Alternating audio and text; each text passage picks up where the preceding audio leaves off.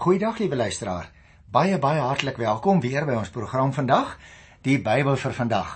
En ons het reeds vir mekaar gesê die boekie Rut waarmee ons op die oomblik besig is, is eintlik 'n baie aktuële boek. Want juis terwyl daar soveel storms in die wêreld is van verskillende aard, nie waar nie, soos in die tyd van Rut, het ons hier 'n voorbeeld van baie diep, eg menslike verhoudinge wat uit die boek Rut na vore kom.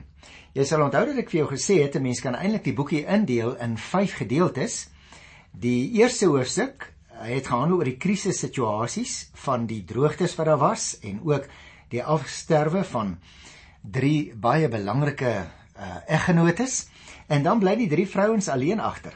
Toe het ons die tweede afdeling gesien in hoofstuk 2 wat gehandel het oor die eerste ontmoeting tussen Boas en Rut op die oesland.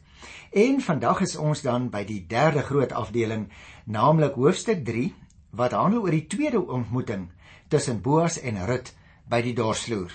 En as ek uh, enkele opmerkings mag maak uh, ter inleiding van die derde hoofstuk sou ek wou sê dat ons net soos in die vorige hoofstuk is hoofstuk 3 ook konsentries opgebou met die gesprek tussen Rut en Boas in vers 9 tot 13 as die fokuspunt van die hoofstuk. En daarom eh, dink ek, liewe luisteraar, moet ons opmerk dat die eerste deel van die hoofstuk, dit wil sê die eerste 8 verse, eerstens bestaan uit 'n gesprek tussen Naomi en Rut. En dan eers volg die verhalende gedeelte in vers 6 en 8 wat daaruit voortvloei. Maar nou ja goed, kom ons kyk dadelik na die eerste 5 versies in die derde hoofstuk van die boek Rut. Ek gaan dit eers lees soos gewoonlik en dan gesels ons so 'n bietjie met mekaar meer indringend daaroor. Uh, Rut se skoonma Naomi het vir haar gesê: "My dogter, dit is my verantwoordelikheid om vir jou 'n heenkome te soek sodat dit met jou goed kan gaan. Kyk, Boas sien saam met wie se werkers jy gewerk het. En dit is mos familie van ons. Hy dors vannag gas op die dorsvloer. Was jou, maak jou mooi, trek jou netjies aan en gaan na die dorsvloer toe. Moenie dat hy jou gewaar voordat hy klaar geëet en gedrink het nie. Wanneer hy gaan slaap, sorg dat jy weer daar gaan lê. Dan gaan jy soontoe en kry by sy voete in. Hy sal jou dan sê wat jy moet doen. Toe antwoord Rut: Ek sal doen wat u gesê het. Nou liewe luisteraars vir vir jou vir my met 'n westerse agtergrond en 'n totaal ander kultuur klink dit natuurlik 'n uh, 'n baie vreemde verhaal.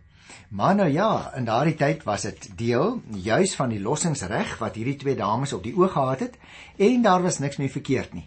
Om die waarheid te sê, die Here se hand het ons nou al meer as een keer gesien is op 'n baie besondere manier in hierdie verhaal.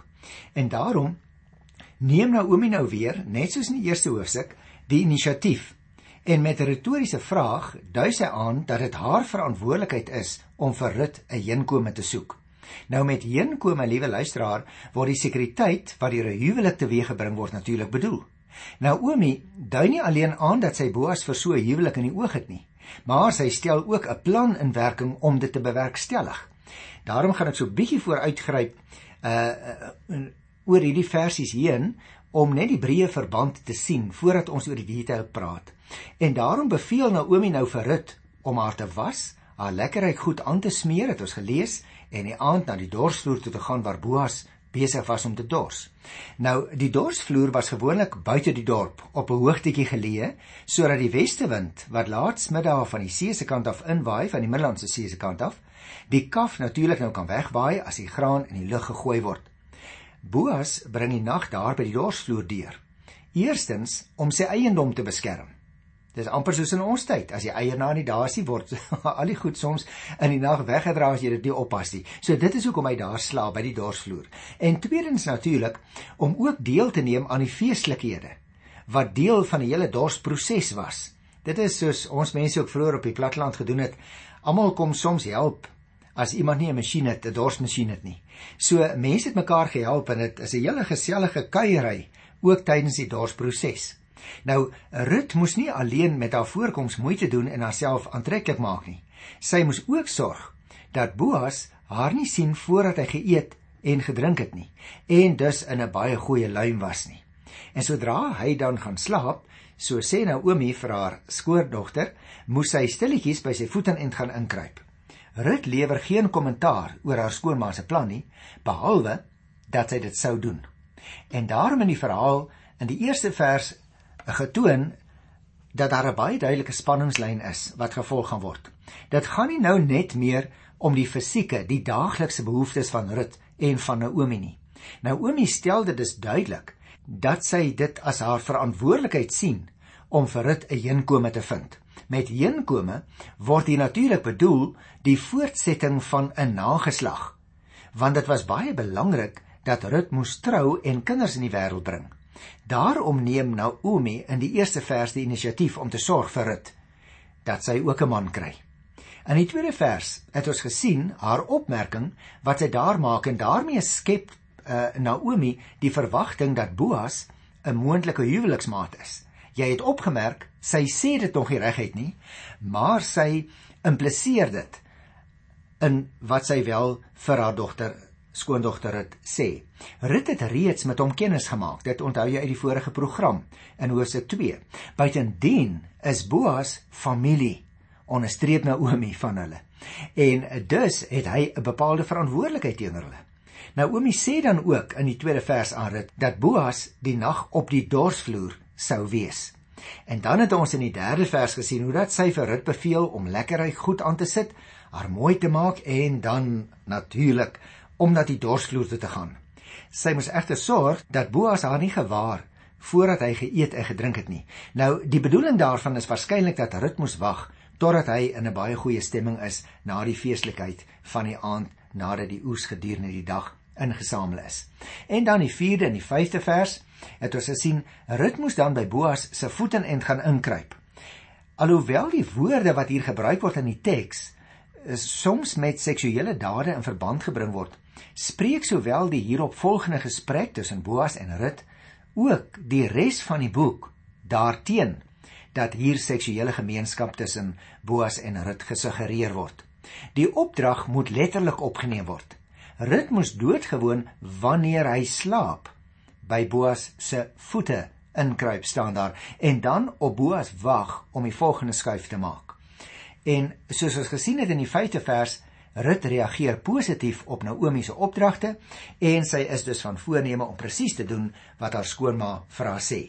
Nou kom ons lees nou so klein bietjie verder hier van vers 6 tot by vers 8, want hier kry ons nou nuwe inligting. Sy het toe na die dorsvloer toe gegaan en alles gedoen wat haar skoonma vir haar gesê het. Nadat Boas geëet en gedrink het, was hy baie vrolik en hy het langs die miet gaan lê. Rut het toe stilletjies gekom, sy voete oopgemaak en by sy voete ingekruip. Toe hy in die middel van die nag wakker skrik en omdraai, was hy baie verbaas toe hy 'n vrou by sy voete gewaar. Nou liewe luisteraar natuurlik, ek kan my net voorstel dat hy uh, seker so half deur die mis was soos ons nou gewoonlik sê. Hy dink seker hy het gedroom. My liewe aarde, maar as hy sy voete roer, dan voel hy hier is die liggaam van 'n vrou by sy voete. So alles het eintlik presies volgens die plan wat Naomi gemaak het, verloop. Boas lees ons in die 8ste vers skrik in die middel van die nag wakker.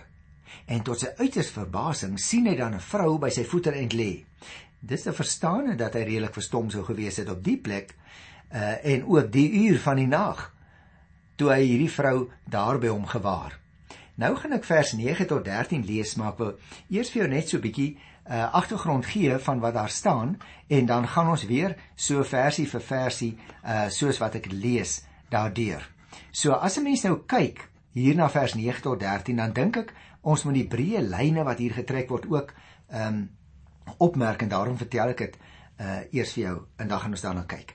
Op Boas se vraag wat ons nou nog gaan lees, wie sy is, sal jy sien Rut antwoord baie eerlik en sy sê ook reguit wat sy van hom verlang. Nou, liewe luisteraar, net soos op die land in die vorige episode, neem sy met beskeidenheid en ook met waagmoed die inisiatief. Alhoewel sy in beskeidenheid haar in werklikheid sy diensmeisie noem, wys sy ook op die wetlike verpligting wat hy teenoor haar het as losser. Sy haal selfs woorde uit Boas se wens in die tweede hoofstuk by vers 12 aan en vra om onder Boas se vleuels onder sy beskerming te skuil. Jy sal onthou ons het daaroor gesels die vorige program. Met ander woorde, sy vra dat hy eintlik met haar gaan trou. Nou in sy antwoord is dit duidelik dat Boas haar versoek ook so ingesien het. Ek gaan dit nou nou lees, dan sien jy dit baie mooi uh, kan opmerk. Nadat hy sy positiewe gesindheid teenoor haar met die aanspreekvorm my dogter en ook met 'n seënbede bevestig het, prys hy ook haar lojaliteit teenoor haar aangetroude familie omdat sy bereid is om hulle saak deur die lossingsreg en die swaarshuwelik te bevorder. Verder stem hy ook in om met haar versoek verder te gaan en uiteindelik hoop hy om daaraan te voldoen, maar hy wys ook dadelik op die probleem dat daar eintlik 'n ander losser is wat voor hom in die tou staan.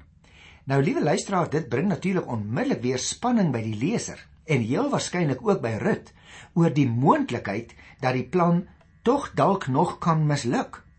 Daarom tref Boas die praktiese reëling dat sy ter wille van haar veiligheid tot die oggend by hom moet bly en dat hy dan aandag aan die saak sal gee. Nou goed, kom ons vat dit dan versie vir versie die storie wat ek nou vir jou uh, vertel het en dan kyk ons hier by vers 9.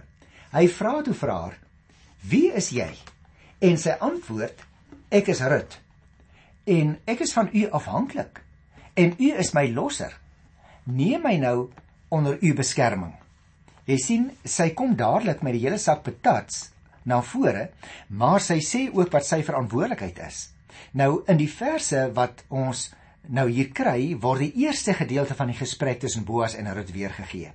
Die eerste ding wat Boas dan nou ook doen, is om te vra: "Wie is jy? Wie is jy wat hier by my voete ingekruip het?"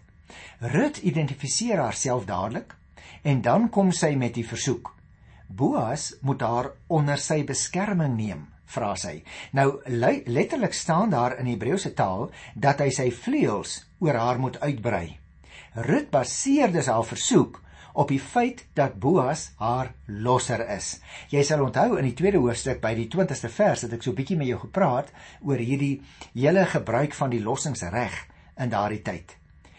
Boas besef natuurlik dadelik hy het 'n verantwoordelikheid teenoor haar. Dit is baie belangrik dink ek liewe luisteraar om daarop te let dat dieselfde uitdrukking ook in die 12de vers van Hosea 2 gebruik is as deel van Boas se seënbede dat die Here vir Rut in beskerming sal neem. Hier gebruik Rut dit nou egter om Boas se verantwoordelikheid teenoor haar uit te druk. Met ander woorde, sy wil uh, dat hy baie goed besef, maar hy het 'n verantwoordelikheid. Jy sien dit is by, byna soos ons. Ons het ook bepaalde verantwoordelikhede teenoor ander mense, veral ook teenoor huisgenote van die geloof, skryf Paulus in die Nuwe Testament. Jy en ek het ook verantwoordelik geregtigheid teenoor ons familielede. En uh, dit is wat Rut hier dadelik onder sy aandag bring. Nou luister na die 10de vers. Hy sê toe: Mag die Here jou God jou seën, my dogter. Wat jy nou doen, naamlik dat jy agter geen jong man, arm of ryk, aanloop nie, is baie beter as die liefde wat jy aan die begin aan jou skoonma bewys het. Nou wonderlik dat hierdie ouer man as wat sy is, haar so mooi prys. Boas antwoord naamlik in hierdie vers en ook in die opvolgende verse uh by wyse van 'n bede dat die Here vir Rut sal seën. Wat sy doen, naamlik dat sy na hom toe kom met die versoek om as losser op te tree en nie agter enige jong man aanloop nie, oortref selfs haar eerste weldaad toe sy lojaliteit en ook liefde teenoor haar skoonma Naomi bewys het. Jy merk dus op liewe leser dat eh, dit hier nie in die eerste plek gaan om seksuele losbandigheid nie. Dit gaan hier om 'n baie eerbare optrede, hoewel dit vir ons vreemd klink. Beroep sy haar op 'n verantwoordelikheid en sy wys vir Boas op sy verantwoordelikheid wat hy het. Nou lees ons in die 11de vers: Moet nou nie verder bekommerd wees nie, my dogter. Alles wat jy my vra, sal ek doen want al die mense weet dat jy 'n goeie vrou is. Hy beklemtoon dus hierdie feit. Hy stel haar gerus dat hy alles sal doen wat hy kan om haar te help. Hy loof haar ook as 'n goeie vrou. So die Bybel onderstreep vir ons baie duidelik dat dit hier glad nie om enige vorm van losbandigheid gaan nie. Immers in die 12de vers staan daar: Dit is ook waar dat ek jou verlosser is. Gaan Boas verder. Maar nou is dit ook so, sê hy, dat daar 'n ander losser is wat nader familie is as ek. Nou jy sal onthou, luisteraar, ek het jou daarop al gewys vroeër in die program dat Boas nie die eerste in die tou gestaan het nie, so het ek dit net nou ook in hierdie program uitgedruk. Hy gee haar dus die versekering dat hy 'n losser is. Daar word egter ook weer spanning geskep in hierdie vers, deurdat Boas sê dat daar 'n ander losser is wat nog nader familie is as hy en dus eintlik die eerste aanspraak het om as losser op te tree. Jy sien liewe luisteraar, as dit hier net gegaan het oor seksuele losbandigheid, dan kon hy nou van hierdie situasie baie misbruik gemaak het. En hy kon gesê het, maar hierdie meisie het na my toe gekom sodat ek die lossingsreg sou uitvoer, maar hy doen dit nie. Hy wys daarop dat daar bepaalde verantwoordelikhede is en dat hy nie die eerste een is wat die lossingsreg hoef uit te oefen nie. Nou sê hy in die 13de vers: Slaap vannag hier. As hy dan môreoggend bereid is om as jou losser op te tree, goed. Maar as hy nie wil nie, sal ek so seker as die Here leef as losser optree. Bly hier tot môreoggend. Jy moet oplet hoe pragtig hierdie verhaal opgebou is, liewe luisteraar. Want Boas verseker dit nou hier dat hy alles in sy vermoë sal doen om wel as losser te kan optree. Hy sluit sy versekering af met 'n eetformule: So seker as die Here leef. Nou daarmee moet jy natuurlik 'n gedagte hou. Die Here Jesus het gekom en gesê ons hoef glad nie te sweer nie. Ons ja as Christus gelowiges moet ja wees en ons nee nee. So as jy as Christus gelowiges wat die Nuwe Testament ken, nou vandag hierdie gedeelte hoor of jy lees dit daar waar jy sit voor jou radio, uh, ek hoop jy doen so as jy 'n Bybel byderhand kan hou elke dag en kan jy my baie makliker volg soos wat ek die woord van die Here uitlê dan moet jy nie dink dat ons nou hier iets het wat ons sommer nou maar net so kan doen om hoog en laag en vinnig en stadig te sweer uh, as ons wil hê mense moet ons glo nie. Die Here Jesus het die hele wettiese aspek van die Ou Testament volgemaak toe hy gekom het en gesê het ek maak dit nie tot niet nie. Ek laat die wet en die profete hulle volle betekenis kry. En daarom het hy in die Nuwe Testament gesê ons hoef nie te sweer nie nie by die hemel nie en ook nie by die aarde nie, ook nie by God nie. Ons ja moet ja wees en ons nee moet nee wees. Maar in die tyd van die Ou Testament kry ons nou nog hierdie eetformule hier baie duidelik en sê Boas dan ook so seker as die Here leef en hiermee verseker hy die erns van sy belofte. Hy ooreed op hierdie manier dan ook vir Rut om die nag by hom te bly. Hy is besorg oor haar veiligheid. Dit is waaroor dit gaan. Nou kom ons kyk na uh, vers 14 en dan uh vra ons onsself ook uiteindelik af wat is die betekenis daarvan.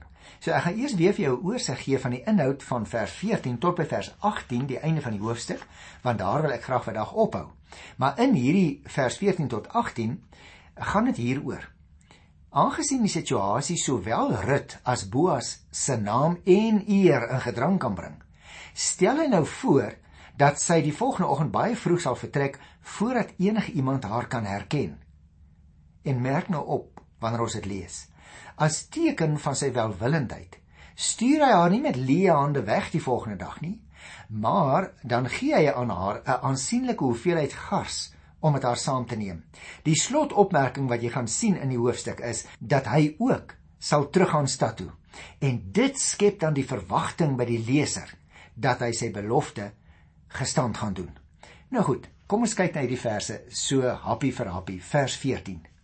Sy het toe by sy voete gaan lê tot die oggend.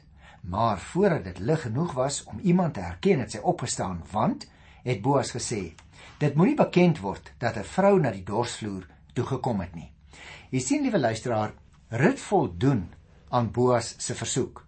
Maar staan tog die volgende oggend vroeg op, voor sonop, sodat dit nie bekend sou word dat sy die nag by Boas deurgebring het nie. Dit sou beide van hulle se goeie naam kon skend, want die verhaal het vir ons baie duidelik gesê dat daar niks onwelvoegliks plaasgevind het in die nag nie. En daarom wil hulle hulle eie reputasie uh ook so laat deurgaan, want anders kan hulle nou 'n hele klomp moeilikheid optel wanneer die lossingsprosedure in aanmerking kom en dit sou blyk dat hulle reeds met mekaar saam geslaap het. Nou luister na vers 15 en ek gaan ook so 'n stukkie lees van vers 16. Hier staan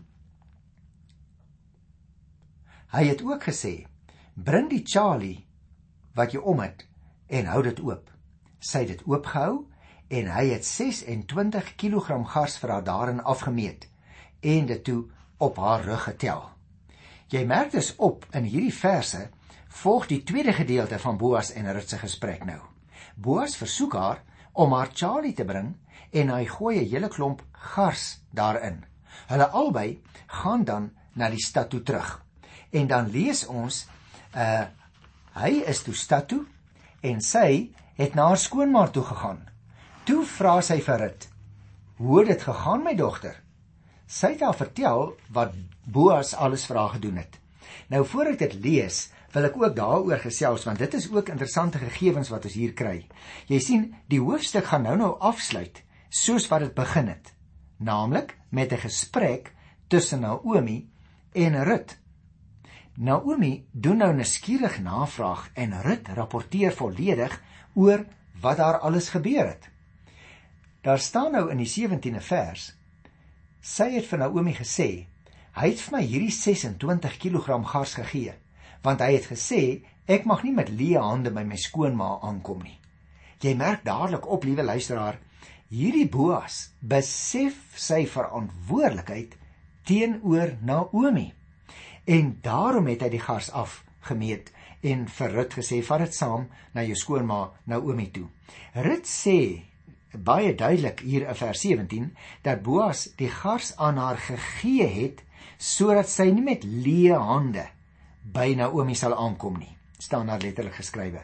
Hier word tussen hakies liewe luisteraar dieselfde woord vir leeg leë hande met ander woorde as by Hosea 1 vers 21 gebruik waar dit aangewend is om die krisissituasie te besef waarin Naomi verkeer het dat sy eintlik leë hande was. Sy het regtig letterlik niks gehad nie. Nou deur die woord weer te gebruik in hierdie verband word daar op 'n baie subtiele wyse aangedui dat Naomi se leë dae verby is en dat haar noodsituasie opgelos is deur die toedoen van Boas. Jy sien dis 'n baie interessante opbou in die verhaal wat ek vroeër al vir jou vertel het wat uh, mense altyd die nuances so duidelik kan raak sien as jy net nie Afrikaans kyk nie. En dan die 18de vers waarmee die hoofstuk afsluit. Naomi sê toe: "Wag maar en kyk wat nou gaan gebeur my dogter. Die man sal beslis nie vandag rus voordat die saak afgehandel is nie." Rut word nou deur Naomi aangeraai om 'n afwagtende houding in te neem en let op die sekerheid in Naomi se hart. Naomi is naamlik seker dat die man, dit wil sê Boas, geen steen onaangeroer sal laat om hulle te help nie. In hierdie vers word die verwagting dus geskep vir die lossingsprosedure wat moet opgevolg word. En laasgenoemde sowel as die ontknoping van die verhaal gaan ek in die volgende program Nosek 4 beskryf. Maar miskien net dit ten slotte, liewe luisteraar. As jy my nou sou vra nou wat is die betekenis hiervan? Dan sou ek wou sê hier in die 3de hoofstuk, die episode sluit af, net soos dit begin het met 'n gesprek tussen Naomi en Rut. En in antwoord op Naomi se vraag vertel Rut alles wat gebeur het en ook die gars wat Boas vir haar saamgestuur het. En met die motivering wat Rut vir hierdie stap gee, naamlik ek mag nie met leë hande by my skoonma aankom nie, word subtiel verwys na Naomi se woorde vroeër. Let op. Deur Rut se inisiatief en Boas se toedoen gebeur presies die teenoorgestelde. Naomi se hande is vol gas en die moontlikheid dat meer as haar hande vol sal word, word nou baie sterk gesuggereer. Ek wil ook net daarop wys ten slotte 'n nuwe tema wat sterk in hierdie hoofstuk na vore gekom het, is dat mense verantwoordelik is om dinge te laat gebeur in 'n sekere sin. Jy sien liewe luisteraar, mense, dis nou jy en ek. Ons het 'n verpligting om ook ons intelligensie, ons individuele gawes byvoorbeeld ook, ons vermoë om te beplan so aan te wend dat ons lewensomstandighede kan verbeter. En in hierdie proses moet ons almal, jy en ek, al, al die mense, moet hulle egter ook op die korrekte manier optree sodat ons optrede sal voldoen aan die sosiale en die etiese gebruike van ons gemeenskap waarbinne ons beweeg. Natuurlik, natuurlik sluit dit nie uit dat God die een is wat uiteindelik dinge laat gebeur nie. Maar maar jy en ek, o, ons mag nooit ons verantwoordelikheid misken deur passief te sit en wag vir God se ingrype nie. Ons moet ons kan bring. Bidend, liewe luisteraar, moet ons ons hand aan die ploeg slaan om die take wat ons opgelê word af te handel en in die genade van die Here ons beplanning en ons werk tot voltooiing te bring. Mag die Here jou pragtig en wonderlik seën tot volgende keer. In sy naam. Totsiens.